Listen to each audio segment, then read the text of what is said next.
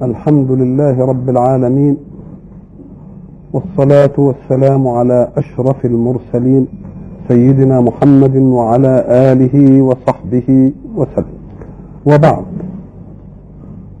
فقد عرفت بين إخوان المؤمنين بخواطري حول القرآن الكريم. وخواطري حول القرآن الكريم لا تعني تفسيرا للقرآن وإنما هي هبات صفائية تخطر على قلب المؤمن في آية أو بعض آية. ولو أن القرآن كان من الممكن أن يفسر لكان صلى الله عليه وسلم أولى الناس بتفسير هذا القرآن لأنه عليه نزل وبهم فعل. ولكن رسول الله صلى الله عليه وسلم بين للناس على قدر حاجتهم في البيان. فبين لهم الأحكام التكليفية التي يساب المرء إن فعلها ويعاقب إن تركها. أما كل ما يتعلق بكونيات الوجود وأسرار القرآن حول ذلك الوجود؟ فقد اكتفى رسول الله صلى الله عليه وسلم بما علم هو نفسه واكتفى بأن علم منها ما وجد عنده استشرافا للفهم ولكنه لم يشع ذلك ولم يعمم. لأن العقول قد لا تتقبله والقرآن لم يأتي ليعلمنا كيف نوجد أسرار الوجود وإنما جاء القرآن ليكنز أسرار الوجود حتى تجيء العقول ذوات الاستعداد لأن تفهم السر لأنها حامت حوله بحركة الحياة حينئذ يكون عطاء القرآن للسر عطاء مجذوبا إليه. لأن الذي يبحث فيه له نشاط فكري حوله. ولذلك لا نجد أن صحابيا من صحابة رسول الله سأله عن شيء كما لم يسأله عن ألف لام ميم ولا عن حاميم عين سين قاف مع أن رسول الله استقبل أناسا كثيرين يؤمنون بكتاب الله واستقبل أناسا كثيرين يكفرون بما أنزل الله. وكانوا يريدون أن يقيموا الحجة على رسول الله في أنه أتى بشيء هراء. كلام مجانين. فهل سمعنا أن كافرا من الكفار العتاة؟ قال للقوم وهم بلغاء فصحاء يجيدون العربية ملكة لا صناعة. هل سمعنا من واحد من الكفار أن قال ماذا يعني ألف لام ميم؟ وماذا تعني حاميم عين سنقاف كيف يمر على المكابر المنكر مثل هذه الفواتح للصور ولا يجد فيها ما ينقض على رسول الله شيئا من أمره. لا شك أنه انفعل لها. وإن لم يؤمن بها ولم يجد فيها أي شيء يمكن أن ينقض به على رسول الله ليهدم قرآنه هذا. إذا فلا المؤمنون به سألوه عنها. ولا الكافرون به سألوه عنها. مع أنهم كانوا حريصين على أن ينقضوا رسول الله بأي شيء من الأشياء. فلو كان في ذلك شيء مما يريدون لقالوا للناس ما هذا. ولكنهم كانوا يقولون لا تسمعوا لهذا القرآن. ومعنى لا تسمعوا لهذا القرآن أنهم يعتقدون مع أنهم كافرون به. أن الذي يسمع القرآن سيجد له الأخذ وسيجد له الأسر وسيجد له الحلاوة وسيجد له التأثير. فالكفار يخافون إن سمع الكفار القرآن أن يميلوا إلى القرآن. ولو كان القرآن لا يعطي شيئا من هذا لما همهم أن يسمعوا لهذا القرآن أو لا يسمعوا. ولا يكتفون بأن يمنعوا السماع للقرآن. بل يقولون والغوا فيه. الغوا فيه يعني شوشروا عليه.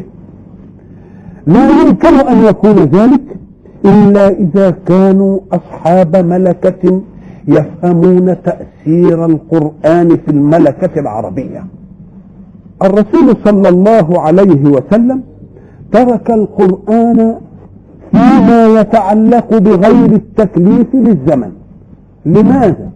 لأن القرآن كلام الله. والكون خلق الله. وفي الكون آيات. يسميها الله آيات. ومن آياته الليل والنهار. والشمس والقمر.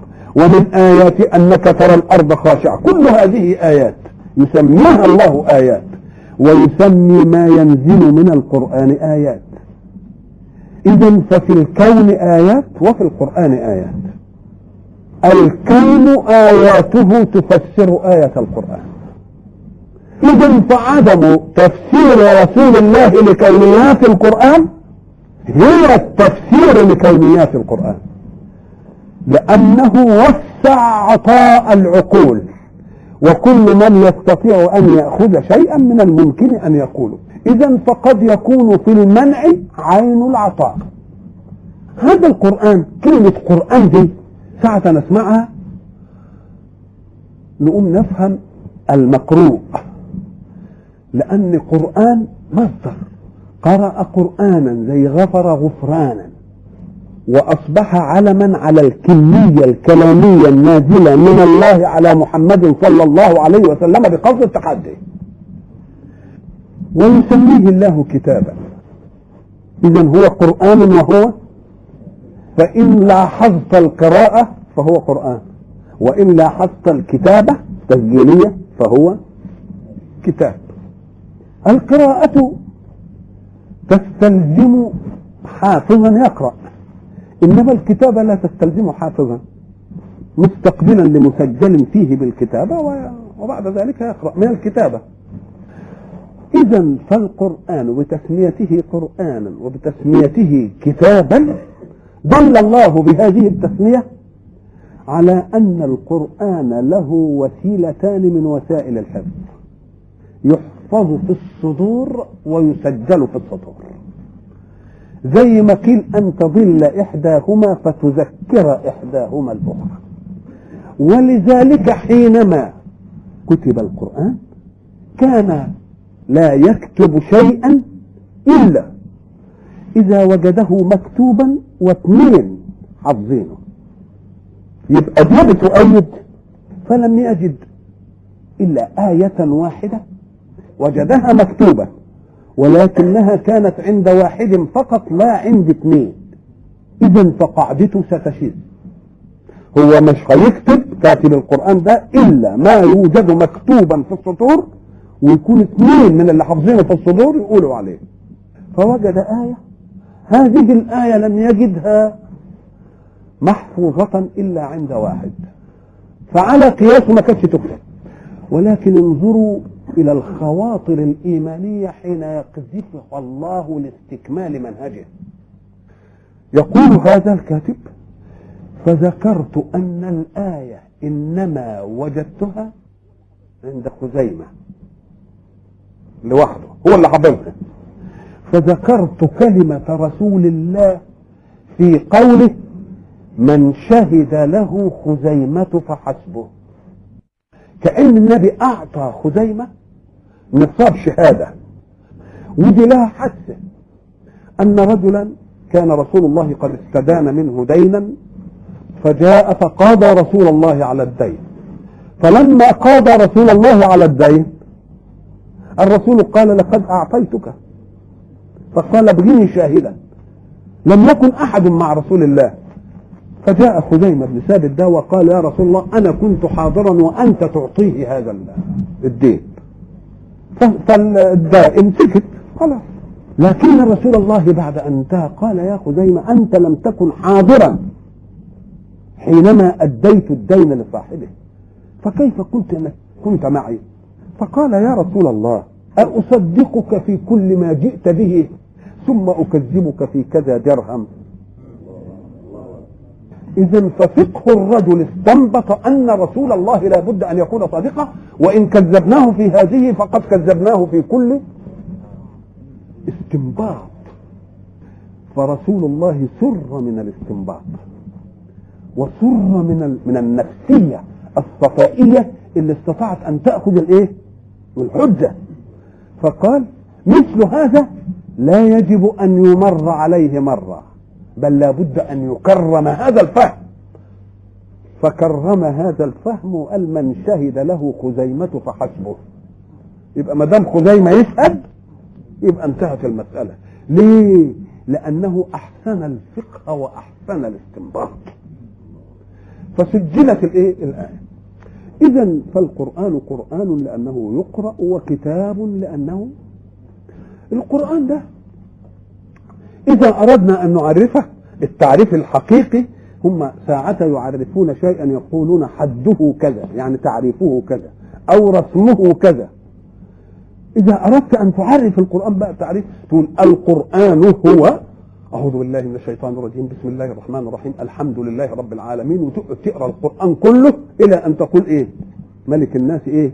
إله الناس. من شر وسواس الناس الذي يوسوس في من الجنة والناس. تبقى هو تبقى عرفت القرآن. يبقى ما هو القرآن؟ تقول أعوذ بالله من الشيطان الرجيم. بسم الله الرحمن الرحيم. وتقرأ من أول الحمد إلى إيه؟ إلى آخر. إلى آخر كلمة الناس اللي في آخر سورة الناس. يبقى هو ده القرآن.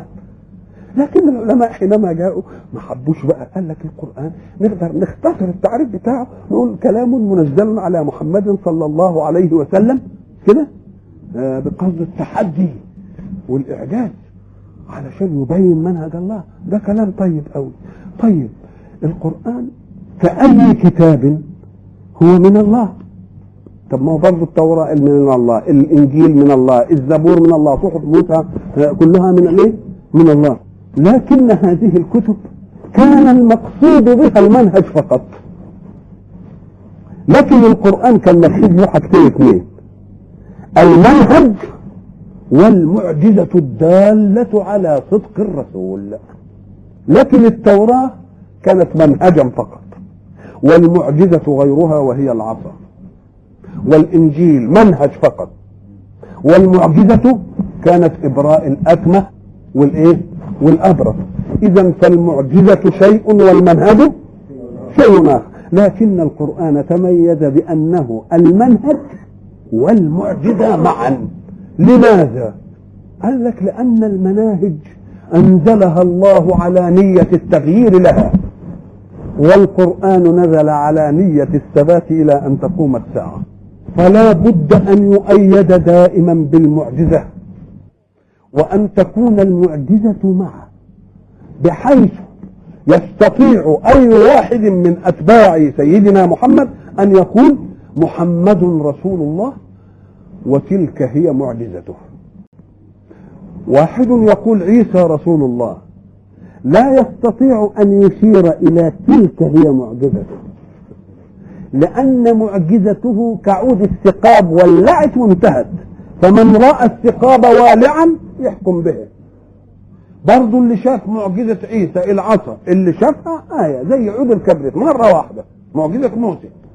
إذا فمعجزة محمد صلى الله عليه وسلم تميزت بأنها كانت عين المنهج والمنهج عين المعجزة. ودي مسألة مفقودة في الرسالات كلها. وأيضا تمثلت في أنها أمر موجود يمكن أن يشار إليه في أي وقت من الأوقات.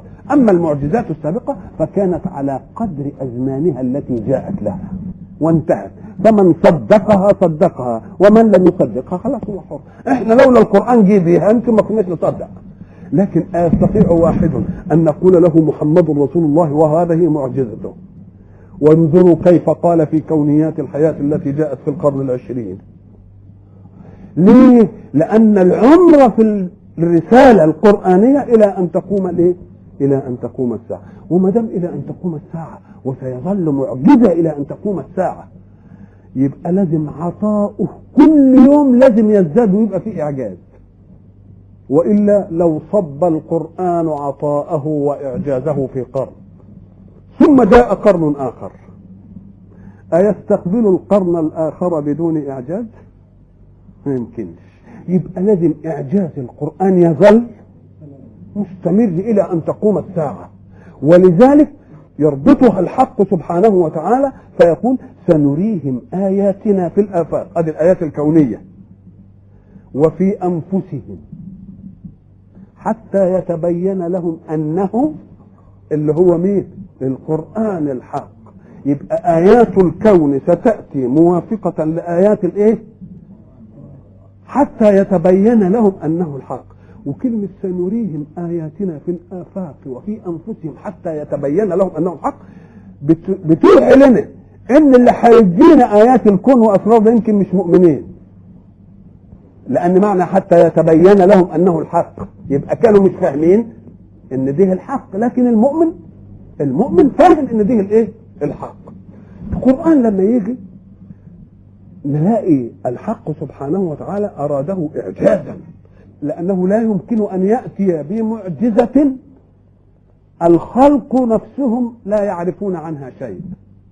ما يمكنش إنك تيجي تتحدى واحد كسيح وتقول له تعالى أما اتحداك في حمل الأثقال.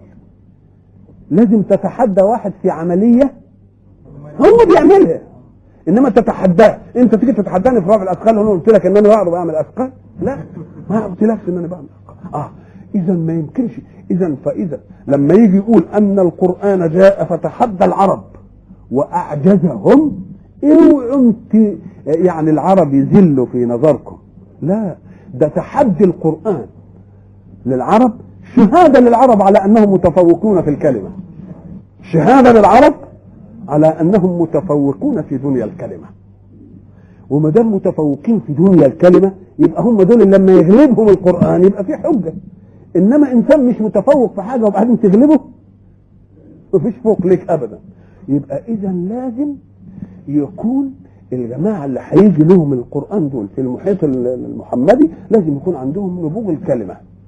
ومعنى نبوغ الكلمة يعني عندهم الأداء الجيد المستميل المعبر المطرب المعجب. نقوم نقول له ده كلام عال قوي. طيب الأداء الطيب المعجب.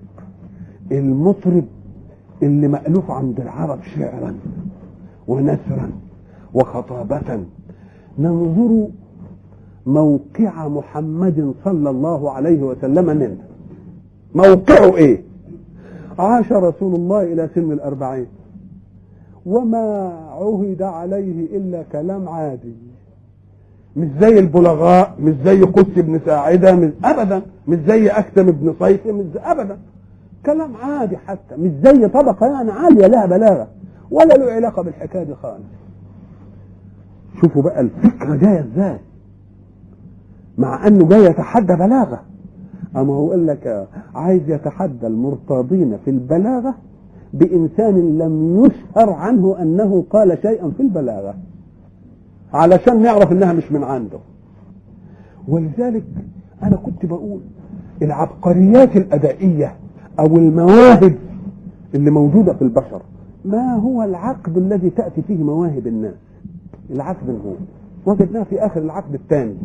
وأوائل العقد الثالث. تنشأ الموهبة والعبقرية والنبوغ. و... إنما في واحد نبوغه وعبقريته ما بتنشأش إلا في سن الأربعين. مش عبقرية أبدا متأخر. أبدا.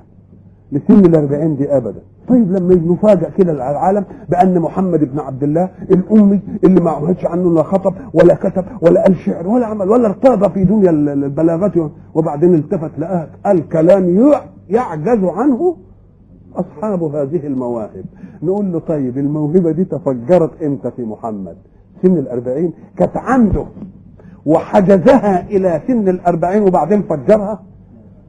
مش معقول ليه؟ لأنه يعيش في عالم يموت فيه الناس. هل كان يضمن أن يعيش إلى أن يفجر هذه العبقرية في سن الأربعين؟ إذا هي ما كانتش عنده ثم جاءت له. ولذلك القرآن لما جه يعرض المسألة دي العرض اللي بيدك أفكار المتشككين في القرآن.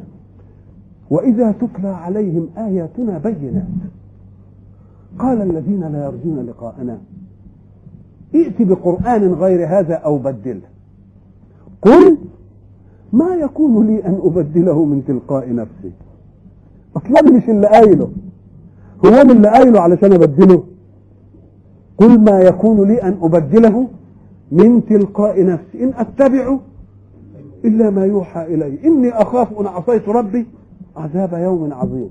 شوف القوة بقى. قل ربنا بيعلمه يرد لو شاء الله ما تلوته عليكم ولا أدراكم به فقد لبثت فيكم عمرا من قبله. أفلا تعقلون؟ طب أنا قاعد وياكل 40 سنة؟ سمعتوني قلت كلمة ولا قلت قصيدة ولا قلت شعر ولا خطبت ولا؟ شوف بقى إزاي. فقد لبثت فيكم عمرا من قبله. أفلا تعقلون؟ اعقلوا واعرفوا النادي لو كانت عندي. كانت لها سادة من زمان. ثم من الذي ينسب إليه الكمال؟ فيرفض الكمال ويقول مش بتاعي. ده الناس بتدعي كمالات الغير تسرقها. بتسرق الكمال من الغير. فواحد الناس بيقولوا له لا ده انت اللي قايل الكلام ده. يقول والله لو شاء الله ما تلوته عليكم ولا أدراكم به. فقد لبثت فيكم عمرا من قبله. أفلا تعقلون؟ افهموا. وبعد ذلك نيجي نلاقي رسول الله صلى الله عليه وسلم يأتي لنا بكلام يقول ده قرآن. وكلام ثاني يقول ده حديث قدسي.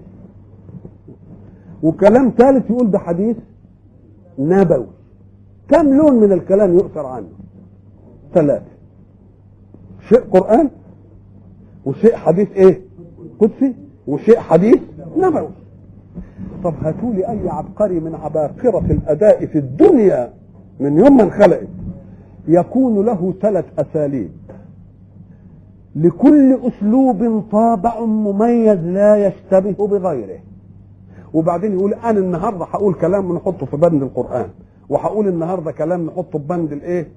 الأحاديث القدسية وهقول النهارده كلام نحطه في بند الأحاديث الإيه؟ مش ممكن ابدا لكل واحد ثلاث شخصيات أسلوبية بل لكل واحد شخصية أسلوبية إن حاول أن يمنعها لازم تغلبه.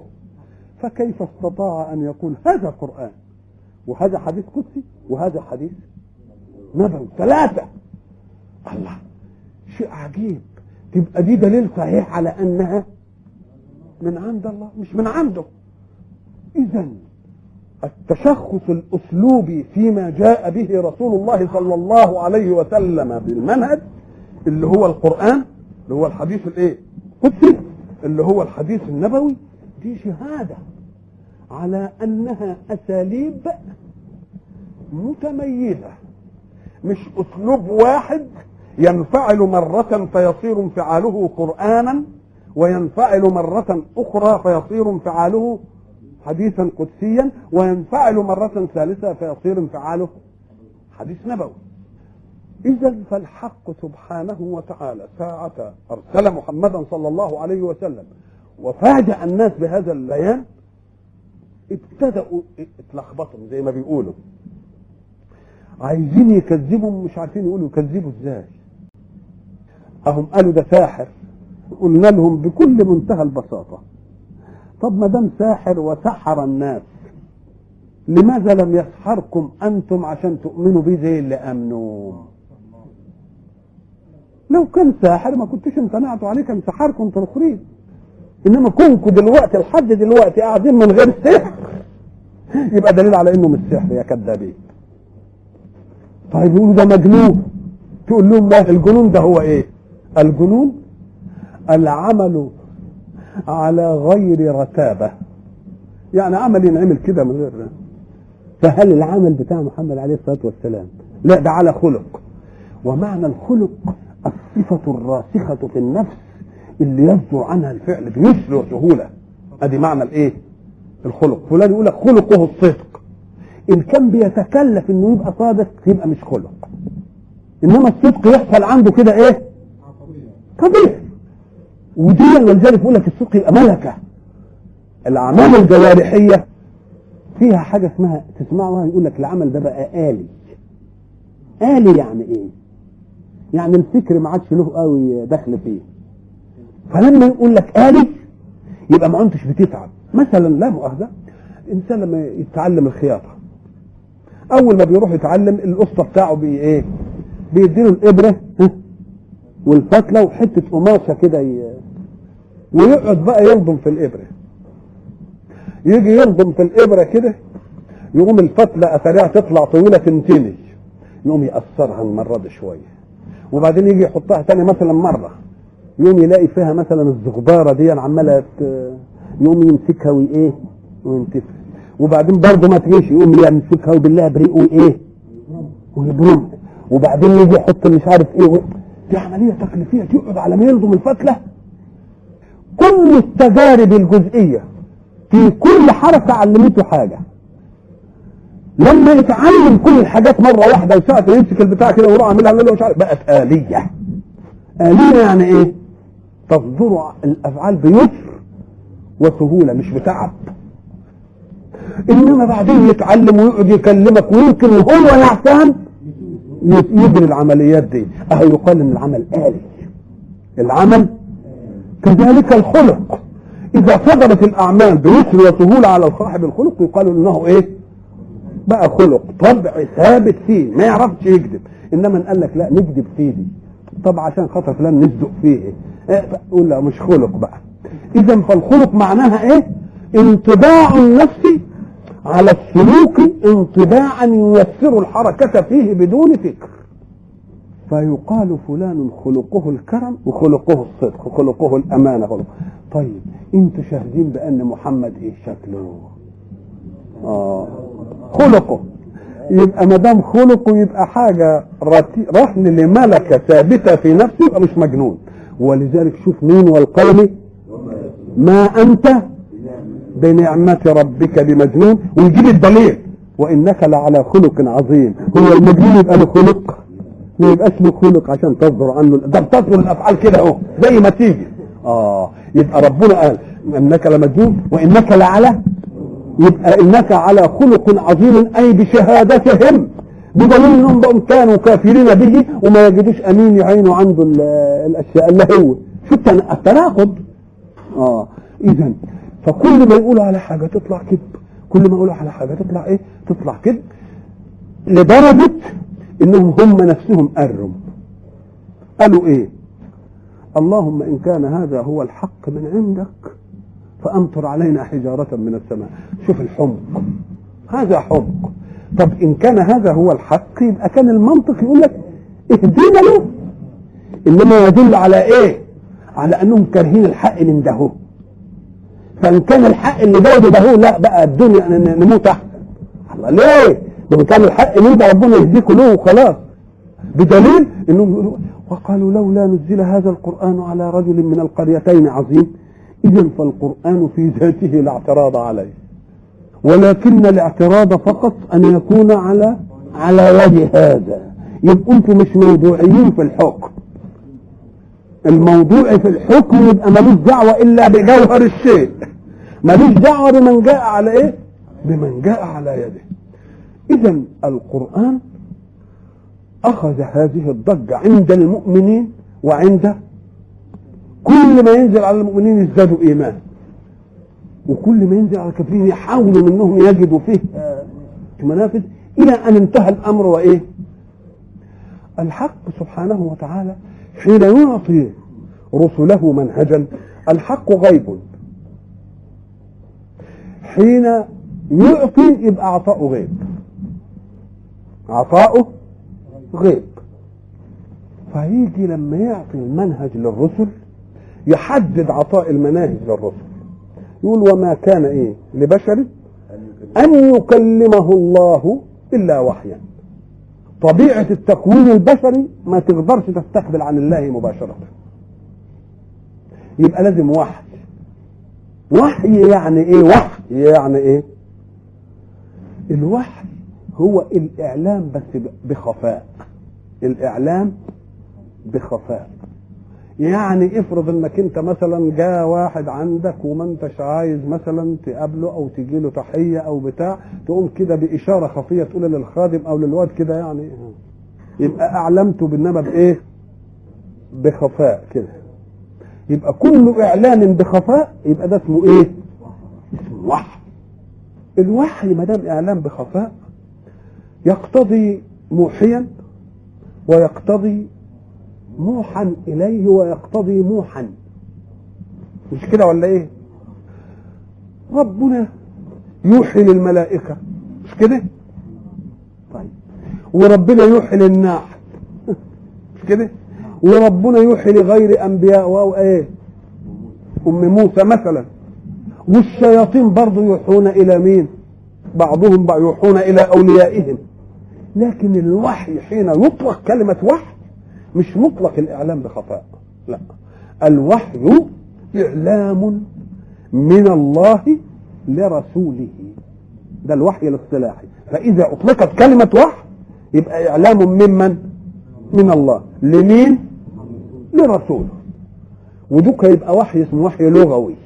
إنما الوحي الشرعي إعلام من الله. وما دام الله حين يكلم بشرا يوحي إليه لا بد له ثلاث طرق. الطريقة الأولى وما كان لبشر أن يكلمه الله إلا وحيا أو من وراء حجاب زي ما كلم موسى أو يرسل رسولا. زي جبريل مثلا. يبقى كلمة الوحي الأولانية مطلق الإلهام. ما كان لبشر أن يكلمه الله إلا إيه؟ وحيا يعني إلهاما. ربنا يكذب في قلبه كده الحاجة في... فيعملها طب ما في حاجات بتقذف في قلب الناس كتير. نفرق بينها إزاي؟ أم قال لك ساعتها يكون القذف من الحق للمعنى في نفسك؟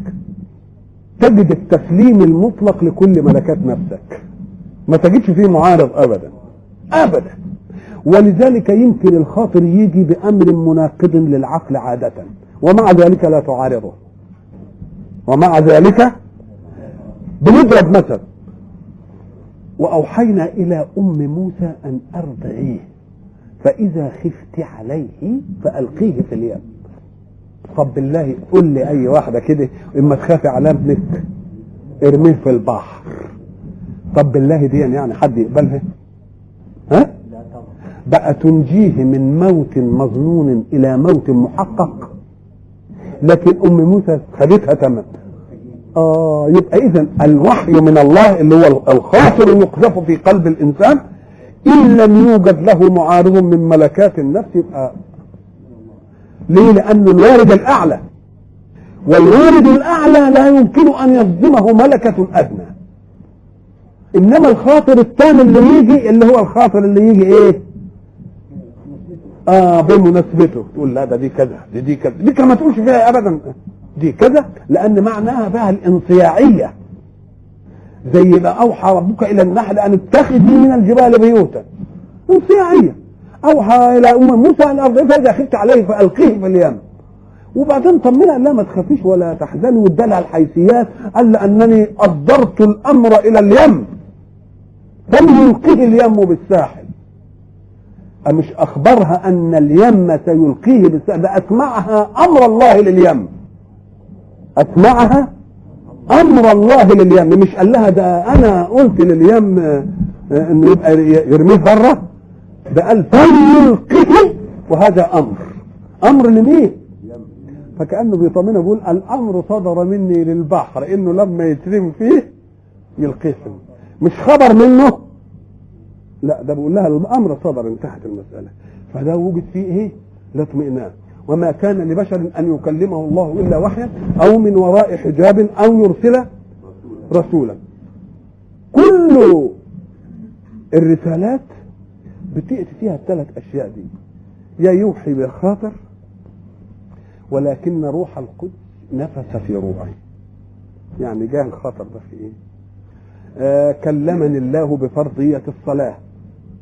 كلمه من وراء مثلا حجاب مثلا. أرسل رسولا اللي هو إيه؟ جبريل. كل أعمال التكليف تصدر بالثلاث طرق.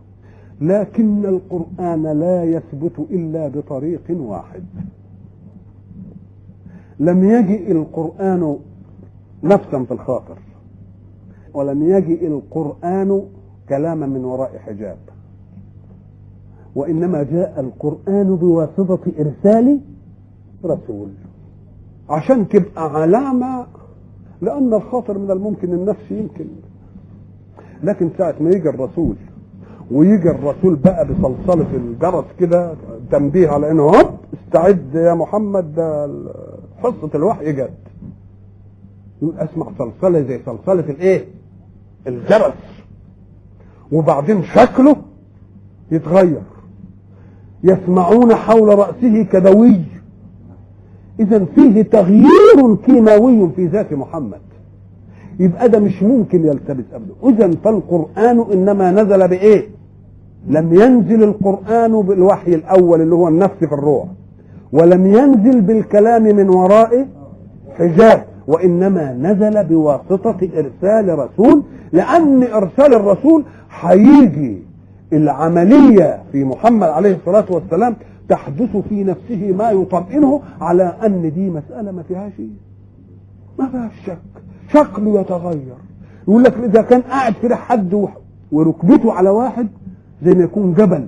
إذا كان على دبة تئط كل العمليات دي دليل على أن فيه ولذلك ثقل الوحي على رسول الله صلى الله عليه وسلم أول الأمر.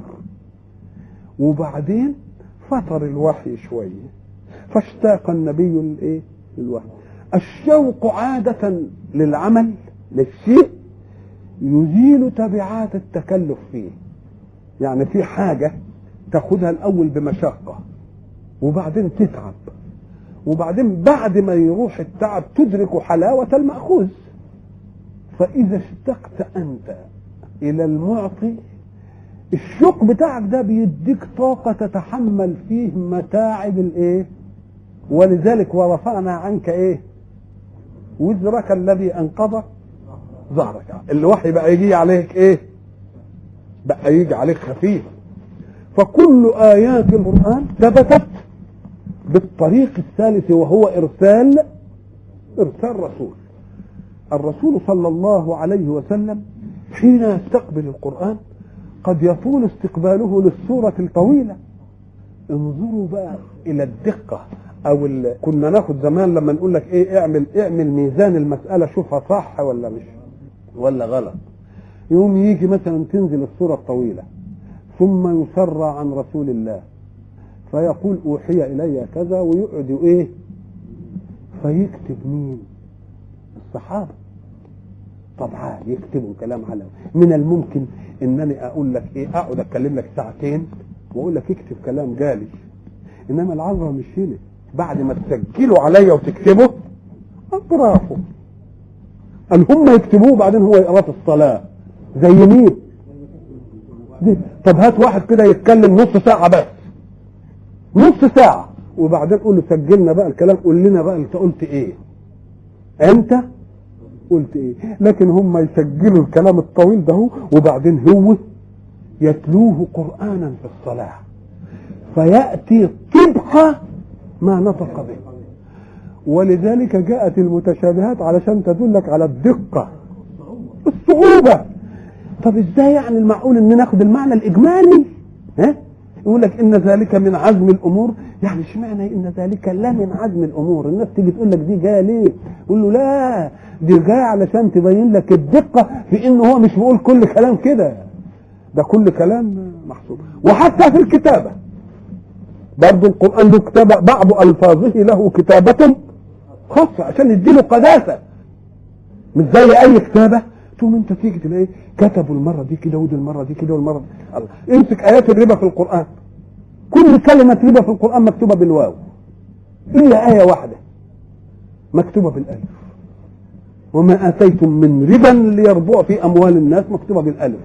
لو أن المسألة رتابة كلمات كانت اتكتبت كلها زي بعضها امسك تبارك الذي بيده الملك. امسك المعجم المفرط وشوف كل تبارك. تجد بعضها محذوفة الألف وبعضها. اقرأ بسم الله. بسم الله. ثم تجد محذوفة الإيه؟ الألف. اقرأ باسم ربك. تجدها فيها إيه؟ الله. يبقى يدل على إن المسألة مش رتابة كلام. ده المسألة كل كلمة أو كل نزلة من الوحي بشكل خاص وبأسلوب خاص. وما بيختلطش جلسة بجلسة. وما دام ما بتختلطش جلسة بجلسة يبقى إذا محمد لا تصرف له أبدا في شيء وما ينطق عن الهوى إن هو إلا وحي يوحى علمه شديد القوى. أسأل الله سبحانه وتعالى أن يوفقنا إلى ما يحبه